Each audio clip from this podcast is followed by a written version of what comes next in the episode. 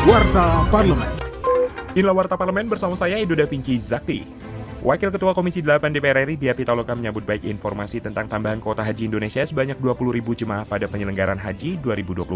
Dia mengatakan ke mana tambahan kuota tersebut didistribusikan tergantung pada kebijakan pemerintah. Namun legislator fraksi PD Perjuangan itu menyebut tambahan kuota haji harus dimaksimalkan oleh pemerintah mengingat meningkatnya jumlah calon jemaah yang mendaftar. DPR RI akan segera membentuk panitia kerja atau panja haji 2024 guna merumuskan kembali pembiayaan haji tahun 2024. Warta Parlemen. Dalam rapat kerja Panitia Kerja Kepariwisataan bersama pemerintah, anggota Komisi 10 DPR RI Rano Karno menyoroti ketidakseriusan pemerintah dalam mengelola wisata geopark. Terlihat dari minimnya pengelolaan dan penguasaan wisata geopark Danau Toba. Yang pertama minimnya penguasaan.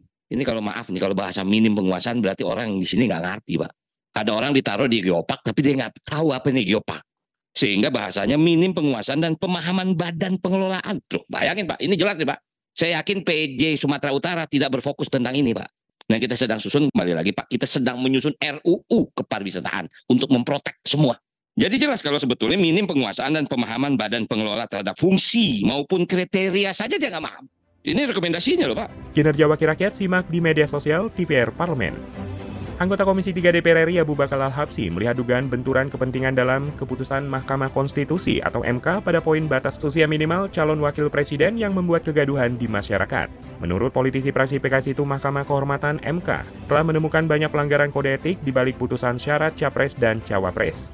Untuk itu, dirinya meminta masyarakat percaya dengan kinerja Mahkamah Kehormatan MK dan menunggu putusan akhir dari temuan dugaan pelanggaran etik di MK. Televisi Radio. Demikian Warta Parlemen Produksi TV dan Radio Parlemen Referensi Indonesia, Biro Pemberitaan Parlemen Sekjen DPR RI.